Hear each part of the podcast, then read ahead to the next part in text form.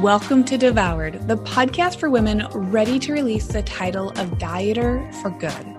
I'm your host, Lucia Hawley, and I'm a certified nutritional therapy practitioner with my master's in social work, clinical mental health. I've lost 80 pounds and I'm on a mission to get you into the life of your dreams without being the woman who is consumed by diet after diet trying to get there. If you're wanting more in your life and are tired of wondering when or how to make that happen, then this is a podcast for you. You'll learn how to make the radical changes you've only dreamed of 100% possible for you today. I'm so happy you're here.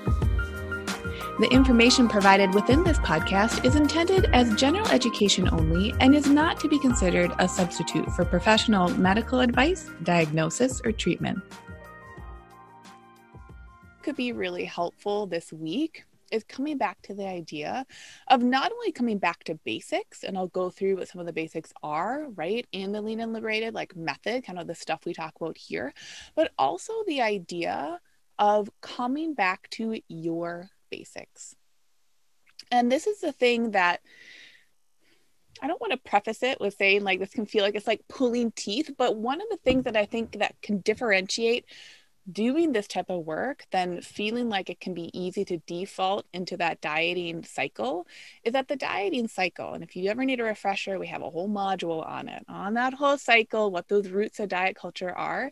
But I think something that can differentiate a process that's a bit more emotional than the dieting cycle is that inherently in an emotional cycle, and this is not part of the back to basics, but I just wanted to mention this. When we're separating ourselves from that dieting cycle, it's going to take mental work. And so this is where I think sometimes it can be easy to say, like, well, wait a second, I've got a full plate.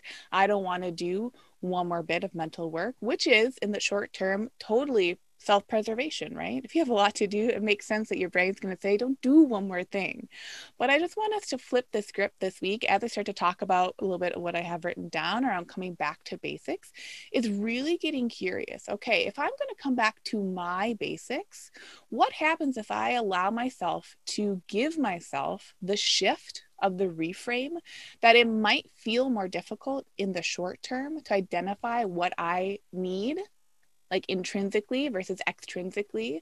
And that's a big difference between dieting culture and kind of being self led with your own habits and choices, right? Dieting culture will say, look out here, we've got all the answers. A lot of what we do here is saying, oh my God, we have the answers within ourselves. It's not woo bananas, it's actually just meeting our own needs with where we're at.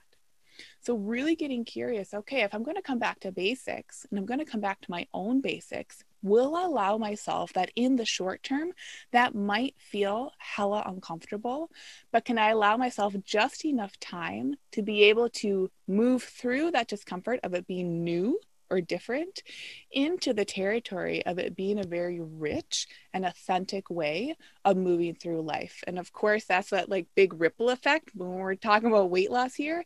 But how we do one thing, and if you've been on these calls recently, you've probably heard me say this how we do one thing is how we do so many things right? So, how we can be approaching weight loss or feeling like we get started and then we stop, and then what's happening? OMG, oh, it feels really good. And then something else over here just all the stuff. This is such a beautiful time. I think there's actually a big silver lining here. If any of you, and you can put in the chat if you're like, yeah, I'm feeling stressed out right now. if any of you are feeling stressed out, can we flip the script not to be like, well, I got to persevere and just like be the person who burns the candle at both ends, but can we really identify, man, if I am feeling so stressed out right now, what would I like to do in order to be more of myself throughout this stress? Because life is 50 50, right? So we're going to have days where things are really beautiful or kind of trucking along, and then we're going to have the hard days.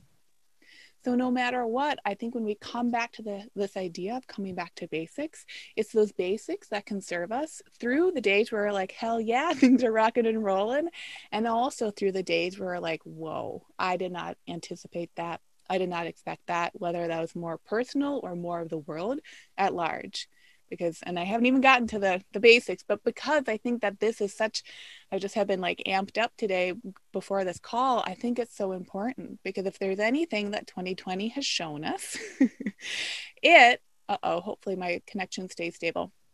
let me know if there's ever an, any issue just tell me in the chat if there's anything that 2020 is showing us is that there is always going to be a whole lot of stuff that is not within our control and so if we'd like to we could continue to spin out about that or we could use that as a sign and a signpost to say all right that is not within my control but what is and how would I like to navigate with what is within my control? I think there are always these powerful ways that we can have these reframes that help us come back to ourselves. Okay. So here are some of the basics when it comes to what we do in this lean and liberated method, program, etc. I just want to read off a couple, okay? Just as a reminder. Number one, we engage in belief work, right? Which is what all that preamble just was. And it's not to be like, wow, the world is butterflies and lollipops and things are so nice and wonderful. You can engage in belief work and also be, wow, this is a hard time to be in. And I think that's the beauty of the belief work, right? We're starting to recognize that our thoughts are our realities. And we do that within the scope of weight loss. Oh man, okay, I'm choosing to hop on the scale. My thoughts are telling me a whole lot of things about what that number means, right? Or when we're looking at building a plate or when we're looking at making our 24 hour plan, right? We do that work and then we notice, well, what thoughts arise? When I make these choices, or when I feel like I'm not making a choice, or when I feel like I'm up against something hard within myself, this is all beautiful opportunity to be really noticing what is uh, what am I thinking? And from there, that's why I'm always encouraging that journaling, right? When we're in that place of recognizing what am I even thinking, that's when we can start to separate our thoughts from those circumstances because the circumstances that we might be within. And I use the scale. Clearly, you all know you don't have to be using the scale in this program, but if you do choose to, there's a certain framework around that. So we can really start to say it's so much less about the number and what's happening on the scale, and it's so much more about what we're thinking. Because the scale itself is neutral, it's a circumstance. It reads something about your gravity, in your body, and that's about it. But we like to have a lot of thoughts around that. So, anytime we're making different choices, what we're really doing is that we're inviting the opportunity to identify what are my thoughts on my circumstances? How do I feel about those thoughts, right? What are those thoughts reinforcing in my life? And how would I like to do a pattern interrupt? In essence. That's a lot of what we're doing here. But we're making that pattern interrupt from a place of love, which can feel real hard sometimes. Okay. So that's the belief work that we do in this program. Overall, it's why the journaling is very helpful because we can start to identify what are my micro thoughts not even maybe some of the thoughts I'm really conscious of, but also what are some thoughts that are leading to certain feelings, certain actions I'm taking from those feelings, and the results I'm getting from those actions that are reinforcing the thoughts. What are my subconscious thoughts? Or maybe just less than conscious thoughts. That's a lot of what that journaling is doing as well, is that we're starting to notice and pull themes from our actions.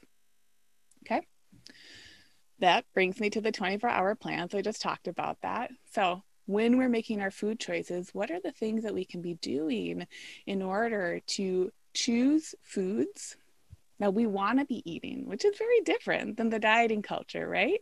What do I want to be eating? And can I plan to do that the day before? Because I know myself, I pretty much know my appetite, I know what's going on, or the morning of. And can I double check that when I make that food plan, that it's actually, if I were to rank it on a scale of zero to 10, it's actually a eight or a higher. And if it isn't, if it's a seven or a lower, we have to do that work, right? Of really addressing, well, how can I keep this basic? Meaning, what would I like to add in? Usually it's adding something in.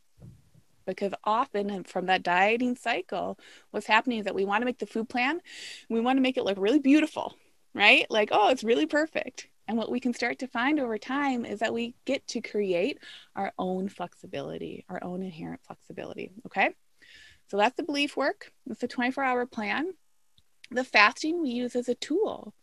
We both use it as a tool to start to understand our hunger signals. Often, many people cannot feel quite in tune with what hunger is, how hunger can be different than starvation, how there's a whole spectrum to what we're feeling physically the difference between stomach hunger and mouth hunger. So we use that fasting in order to start to create a relationship both with our bodies and with our hunger cues. And then when we're consuming our foods, with our satisfaction cues, right? So those are a few of our basic tools. So I'm just listing these off because it can be really easy right now to be like, yeah, but, but, but, but, but, and get like 15 steps ahead or make the big plan that's going to save us through the holidays. There's a lot of like loving intention where that comes from. But if we want to come back, we have some really basic tools that we can be drawing from. Okay. In terms of the other basics, I have two more and then we'll open it up to seeing some wins. I'm seeing some nice typing here. Okay. So the next one was choices, nutrition choices, right? Because we're talking about, well, okay, we're eating the foods that we want to be eating.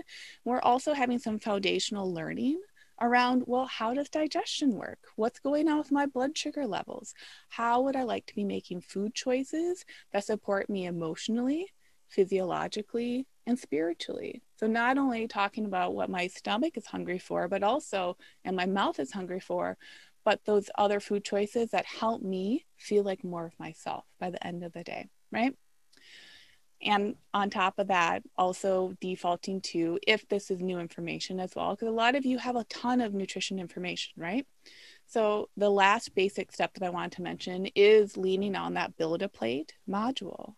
If that's something that you're like, well, how do I how do I create sustainable food choices without overthinking it? There's that super simple technique to be understanding well how would i like to compose a plate that in general is supportive for blood sugar regulation and in general is supportive for digestion and digestive function yeah? So that's the back to basics. That's what i wanted to talk about today. Because y'all it's going to be a weird season. It's already been a weird year. We can bank on that weirdness and say like okay great that's going to be going on there and I'm going to be feeling effects from it. And as well, I get to carry on not from a place of being static or in a place of reaction, but just understanding that life is going to be lifey. So why not create, well, why not create less friction there? And why not say, what can I do with ease? How can I start to um, break down anywhere where I feel like I'm adding a lot of steps? What can I do to come back? Okay. So let's look at these wins.